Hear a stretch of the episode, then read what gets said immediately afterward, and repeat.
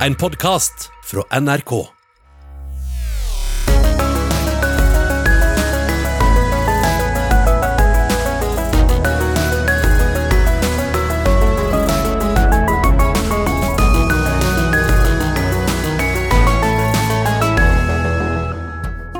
Hun er barnebokforfatteren som skriver så levende om misbruk og overgrep at barna tror det er deres historie hun skildrer. Han er psykologen som får jobben som foreldre ikke greier, nemlig å snakke med barn om det aller vanskeligste. Gro Dale og psykologen Reidar Gjerman er dagens gjester i campingstolen.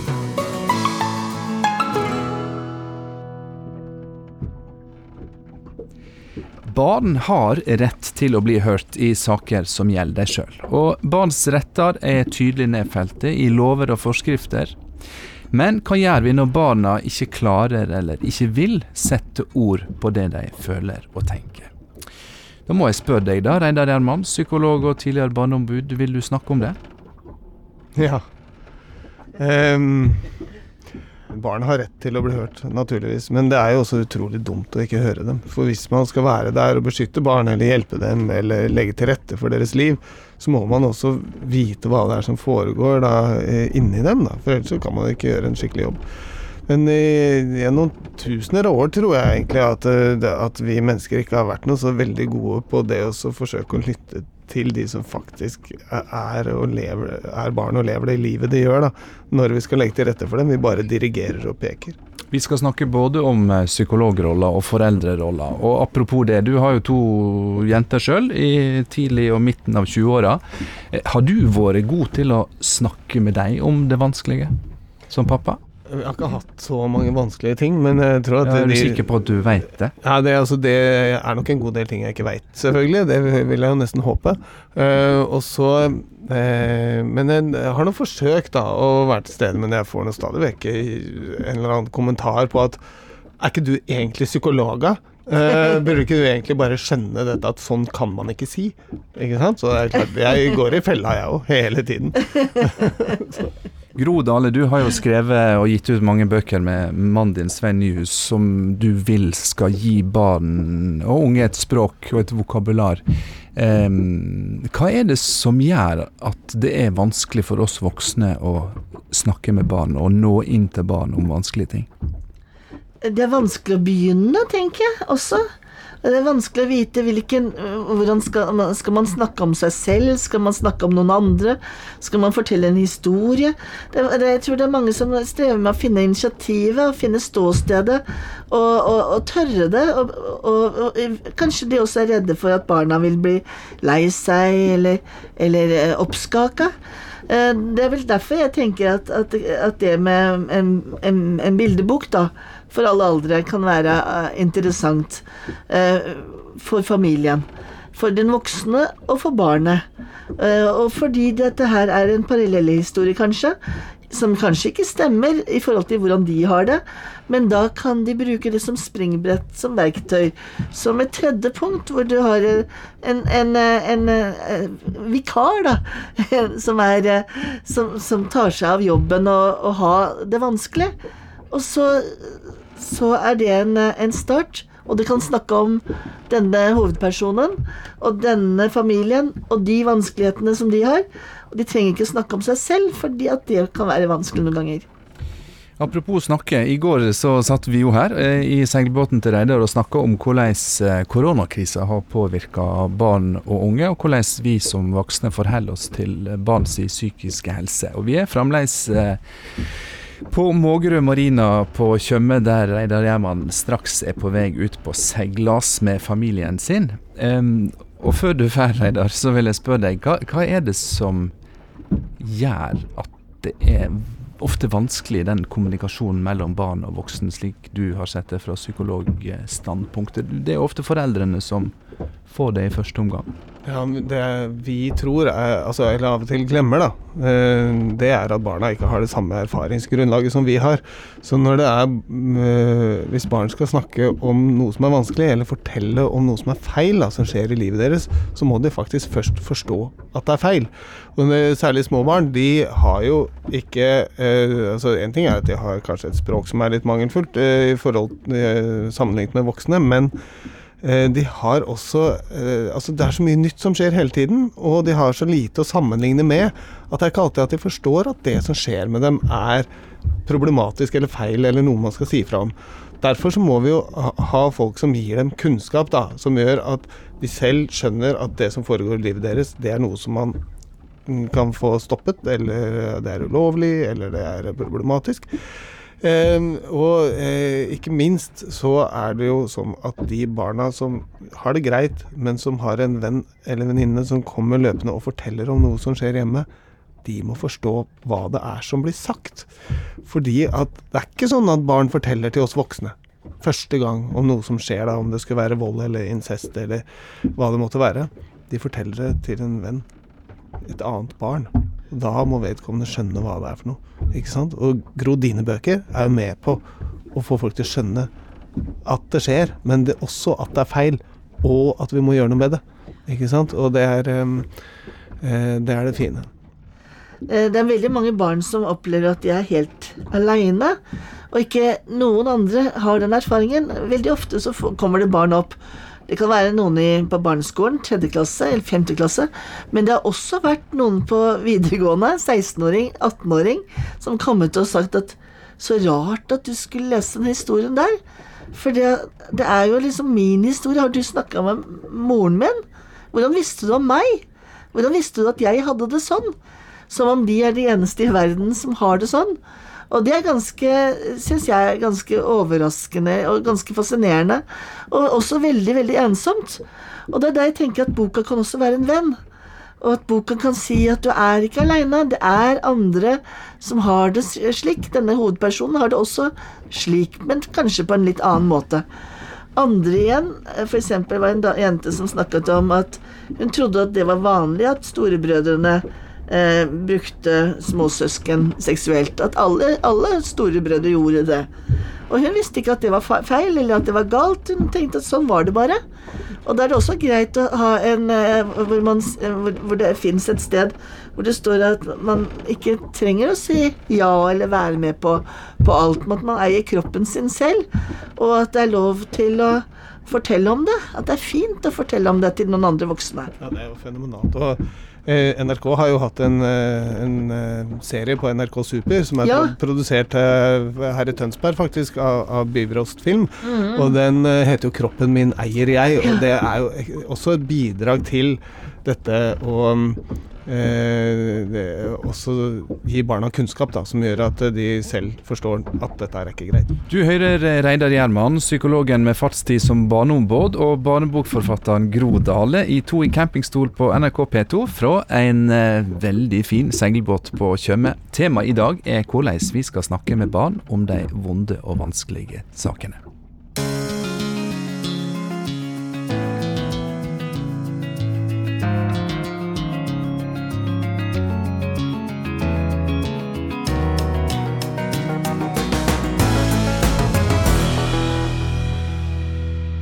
Reidar Gjerman, det er mm, ikke så lenge siden jeg hørte en veldig fin versjon av en eh, sang som jeg tror Halvdan Sivertsen har skrevet. Den heter Tom, snart ti. Eh, og Der er teksten mellom annet Jeg tar ingen med meg heim, for ho mamma er ikke bra. For far min er så sterk, og ingen må sjå oss da. Handler om vold i heimen. Hvordan hadde du som psykolog møtt Tom, snart ti? Da vil jeg ha lyttet til ham og stilt åpne spørsmål. Eh, med en gang når jeg som psykolog sitter og får, kanskje er den første som får, eller en av de aller første som får vite om en sånn historie, så må jeg være veldig nøye på at jeg ikke stiller ledende spørsmål. For med en gang du er borti et tema som også kan ende opp for domstolene, Så det tenker jeg ikke bare psykologer, men også lærere og naboer og andre, og journalister, ikke sant. Så da må vi stille åpne spørsmål. Sånn Men kan du forklare hva, det, hva som ligger der, for det som jo, ikke et åpent spørsmål er et spørsmål uh, som ikke besvares med ja eller nei. Ikke sant? Altså det er um, Akkurat, ja. Nå fortalte du meg om at faren din er så streng. Hva betyr det? Så, for jeg kjenner jo ikke deg fra før, sier jeg da. Så kan ikke du forklare det sånn at jeg skjønner det, hvordan det er der hjemme hos dere? Eh, og da må de forklare dem hele setninger og hele ord. Og da uh, er det jo viktig at jeg har et kroppsspråk og en mimikk som ikke stimulerer barnet på ett sted og ikke på et annet sted og sånne ting. Og i tillegg så må jeg jo skrive ned det jeg hører så godt jeg kan. Uh, og, og ikke liksom si ja, nå var du veldig flink og fortalte om pappa som var slem. For da kan de plutselig dra på litt ekstra, ikke sant. Så vi må være sånn helt nøytrale, sånn at det som kommer fra barnet faktisk er skapt og øh, ut av øh, Eller sugd av eget bryst, hvis man skulle kunne si det sånn. Hun mamma er ikke bra, for å sitere Tom Snart-tid. Hvordan tar du opp den tråden? Ja, da ville jeg ha sagt at eh, du forteller at mamma Mamma er ikke bra. Hva betyr det uh, i ditt liv? Da vil han kanskje si det at ja, du skjønner at pappa han er så innmari streng, og så, så Si litt mer om det. Det er en setning jeg bruker veldig mye. Si litt mer om det. Fordi du da bekrefter at det barnet sier er interessant? I tillegg til at jeg ikke stiller noen ledende spørsmål, for man er jo inne i et veldig minefelt. For med en gang jeg har dumma meg ut og sagt at jaså ja, pappa slår, er det det du sier?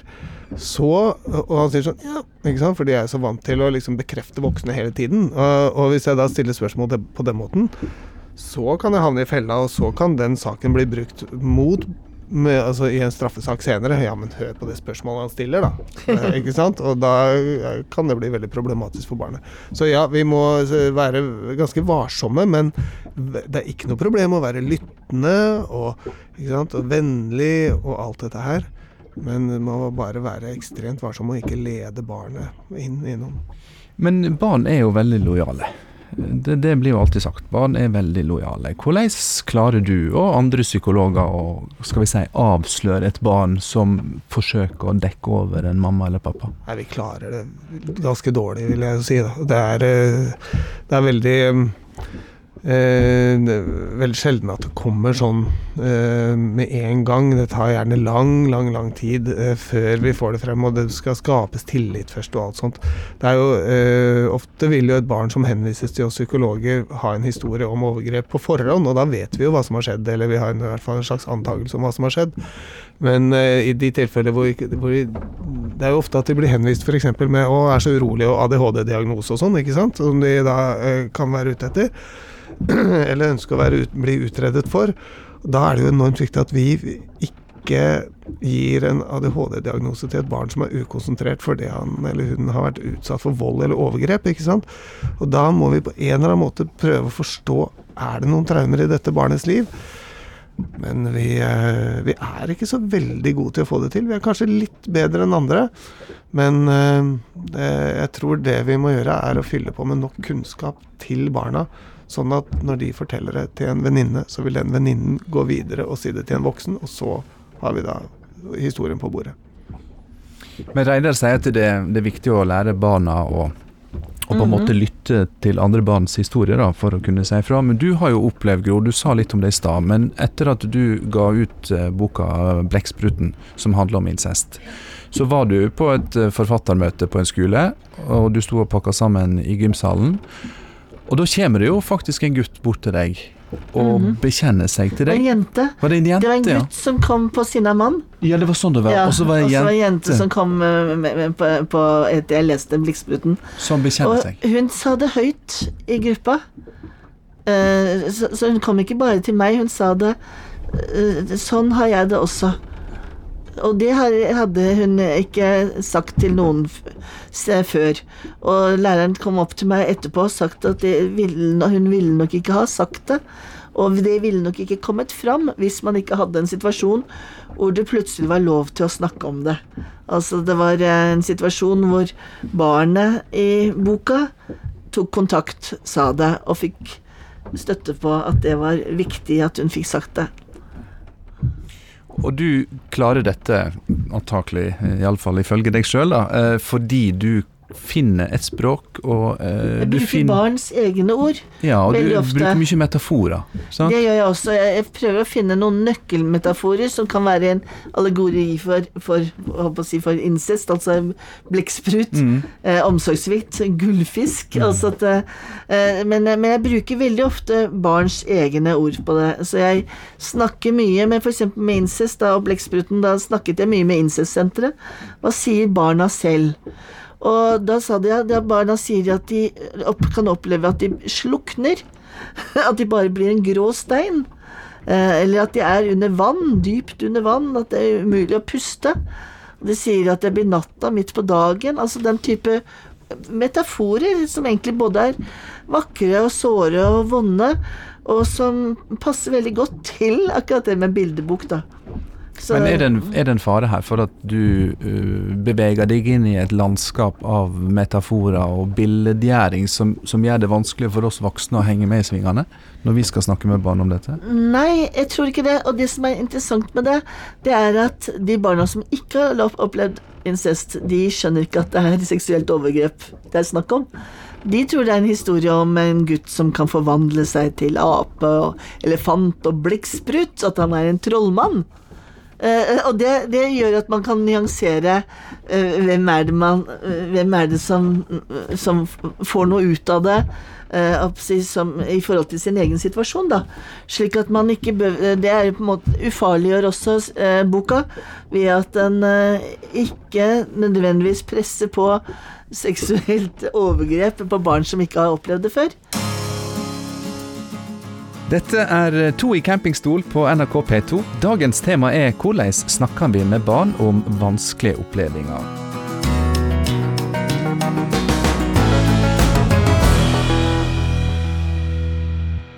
Du hører psykologen og tidligere barneombud Reidar Gjerman og barnebokforfatteren Gro Dale fra en seilbåt på Tjøme.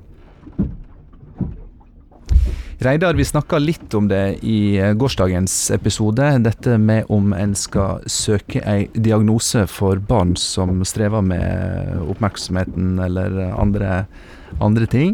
Eh, Det jeg lurer på, fordi jeg har et slags inntrykk av at mange foreldre ofte kan være uenige seg imellom om hvorvidt en skal søke profesjonell hjelp. Fordi det er kanskje en forelder som er bekymra for at det er noe galt med gutten, mens den andre kan være mer redd for den mulige diagnosen. Altså at det, det er motstrid eh, rundt den merkelappen. Hvordan opplever du det? Det er jo et, eh, dette med diagnose er jo en, er en liksom vanskelig ting, men egentlig er en diagnose et verktøy for helsepersonell. Sånn, sånn at de skal vite hva de skal gjøre. Ikke sant? Brukket arm. Vi gipser. Ikke sant? Og det gjelder også innenfor psykisk helsevern at vi skal gi en diagnose for at vi skal vite hva vi kan gjøre med det. Og det skal være en slags forklaring overfor barnet selv og overfor familien. Hvorfor har vi denne annerledesheten eller dette avviket, da. Så, så eh, vi skal jo være kjempevarsomme, altså. Og jeg tenker det, men samtidig så betyr jo ikke det at ikke det finnes mennesker som har fått livet sitt forandret voldsomt til det positive etter at de har fått en ADHD-diagnose, f.eks. Rett og slett fordi de endelig får den hjelpen de hadde trengt, og den respekten de hadde krav på. Gro, du sa i, i gårsdagens episode at eh, familien din er en lapskaus av eh, nevroser og diagnoser. Eh, ikke nevrose, men nevrologi. Ja, ja, ok. Atypisk nevrologi. Beklager den. Det var helt bare morsomt. Men, men hva, er, hva er ditt forhold til diagnostisering av barn? Jeg er enig i at man må være, se på hva er det som er bakgrunnen, at det er viktig. Men det, er, eh, det, det kan være en enormt øh, eh, lettelse for familien å finne et svar. At veldig mange leter. Hva er det for noe? Hva er det for noe? Er det noe fysisk? Er det noe psykisk? Eh, er det noe galt? Og det å få en, en diagnose kan av og til da være en, en støtte på at eh, ja, det, det er bare sånn det er sånn vi er. Det er sånn han er. Det er, det er liksom ikke noe nødvendigvis noe galt, det er bare atypisk. Og jeg tenker den med atypiskheten kan være interessant og, og noe fint i seg selv. Så det, det- istedenfor at det er noe galt, at det er noe atypisk som gjør at de, at de blir sjeldne, da. At det kan være en fin ting òg. Og jeg tenker i forhold til asperger, det er så mange fine ting med asperger. Med særinteresser og spesiell motivasjon, og, og ofte språksans som er uten, utover det vanlige. Se på. Greta Thunberg, eksempel. Ja, ja. Og da vil jeg tenke at, at å få en forklaringsmodell at det er ikke noe galt. Men det er noe en, en annerledes er et som kan brukes. fra? Det er et avvik fra normalen. Ja. Men, men sant, hvis, vi alle har jo sett normalfordelingskurven, ikke sant? Den der Gaus-kurven med den der bulken på midten, Ja, ja. hvor nesten alle befinner seg. Men det er noen der ute på venstre og høyre side, ikke sant? Og, og det heter jo normalfordelingskurven fordi alt er normalt. Ikke sant? Mens det er det at vi har laget et samfunn som passer de som er på midten av bulken der, da. Mm. Og, eh, og, det, og, og der, da er det jo på sett og vis ikke barna eller de voksne det er noe gærent med. Det er det at vi ikke har tilrettelagt godt nok. Vi har laget en skole som bare en viss type barn passer inn i. Mm. Ja. Og det er et problem. Men da tenker Det jeg det er problem. skolen vi må gå løs på, og ikke tenke at det er barnet som er problemet. Og Der tror jeg liksom, Det er det som er liksom dilemmaet dilemma i denne diagnostikkverdenen. At uh, vi ender opp med en sånn slags merkelapp på et barn som kan bli litt strevsomt. Og ikke minst når forsikringsselskaper og arbeidsgivere begynner å forvalte en diagnose som de strengt tatt ikke har greie på. Da. Men du Gro nevnte i, Mm. i gårsdagens eh, prat eh, at du hadde erfaring med heimeskole for dine barn. Ja, ja altså, vi, vi har mye asperger i vår familie. Og jeg har asperger, og, og, og, og en, egentlig er det en positiv ting, syns jeg, for, for oss. Men eh, det passer ikke i forhold til skole. Det har vært fryktelig vanskelig med, med skole. Og, og veldig vanskelig å få forståelse, og veldig vanskelig å få til en skolehverdag som har vært ok. Mens hjemmeskole var løsningen for oss. Jeg kom til å tenke på Trine Skei Grande, som, eh, som jeg snakka med tidligere om eh, For hun hadde sittet i koronaisolasjon Ja. veldig lenge. Og jeg lurte på om ikke hun hadde gått på veggen, men hun sa at dette var jo Hun, hun hadde jo gått av og til og tenkt at tenk om verden bare kunne stoppe opp, sånn at jeg kan få gjort det som jeg ellers aldri får gjort. Hvis noen bare kunne trykke på en sånn stopp-knapp. Og så var det jo det som faktisk skjedde med korona. Og hun opplevde det faktisk positivt. Og så hører jeg du, Reidar, eh, som psykolog, si at eh, koronakrisa for mange var nettopp den deilige pauseknappen, da. I forhold til eh, heimeskole, familie. Har det spart oss for noen ADHD-diagnoser, tror du? Det kan godt tenke seg å være vanskelig å vite, for vi vet jo ikke hvordan det hadde vært ellers. Men, eh, eh, men altså, det er noe med dette taktskiftet som, eh, som jeg tror Denne krisen som vi alle er oppi, og det er ikke engang en sånn ordentlig fiende annet enn et virus, ikke sant. Så det er, vi må alle sammen stå sammen, og det er ingen å hate. Og det er det som er så utrolig fint, da.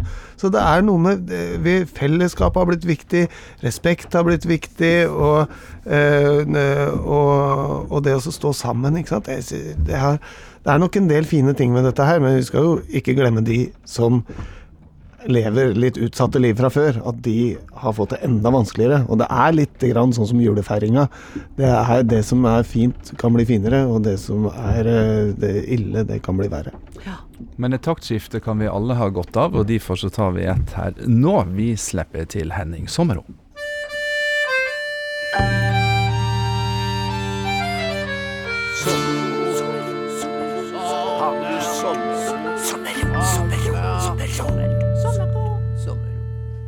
Hei, campingstolen. Det her er Henning Sommerro.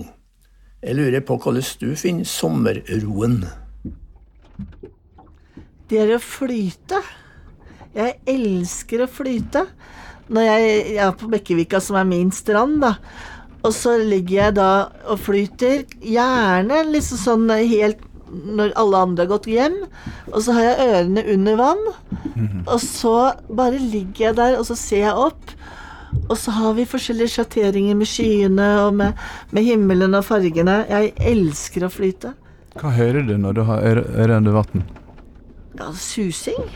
Jeg hører jeg håper å si, min egen kropp, ryggmargen, suse og synge. det suser av blodet i ørene. Og så er det en, en fjern dur av en motor. Du føler ikke deg litt sårbar da når du ligger der og dupper på ryggen med øret under vann? Føler meg helt trygg. Jeg er, eh, jeg er litt tykk, og da flyter jeg som en dupp. Du egner deg veldig godt i flytsonen. Jeg er veldig bra i flytsonen. Har du planer om å flyte i sommer? Jeg har flytet mange ganger. Og det er en egen tilstand, rett og slett, for meg å, å flyte. Og nå har det jo vært 25 grader i vannet, og det har jo vært helt fantastisk sommer. Og sommeren har jo nesten ikke begynt engang, altså sånn fellesferie. Og nå starter ferien for deg, Reidar. Det er jo like før du kaster loss, og du skal til Svenner fyr. Du har jo i dobbel forstand eh, god kjennskap til navnet Svenner. Ja, jeg var eh, navigasjonsbefal på KNMs Venner undervannsbåt av Kobben-klassen helt tilbake til eh, begynnelsen av 90-tallet. Og det var, eh, det var et enestående underlig liv. Eh, Jeg må nå si at jeg trives noe bedre her i en eh, Vinde seilbåt eh, fra Orust i Sverige. Det, det ser jeg at du gjør. Og du venter bare på å kaste oss ut, og dermed, deretter kaste lås. Eh, Gro og Reidar, vi har greid det som eh, mange voksne og foreldre syns det er krevende, å ta praten om vonde og vanskelige tema.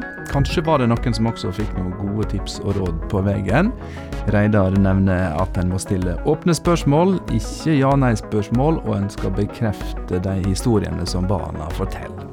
Jeg sier tusen takk pra eh, for praten til begge to, og god seilas til deg, Reidar. Produsent eh, Lars Erik Ertsgaard Ringen og programleder Håkon Haugsbø. Vi pakker nå campingstolene som står på brygga og drar videre, for i morgen så setter vi sjøbein i den nye baren til Per Sandberg og Bahare Letnes i Halden. På gjenhør.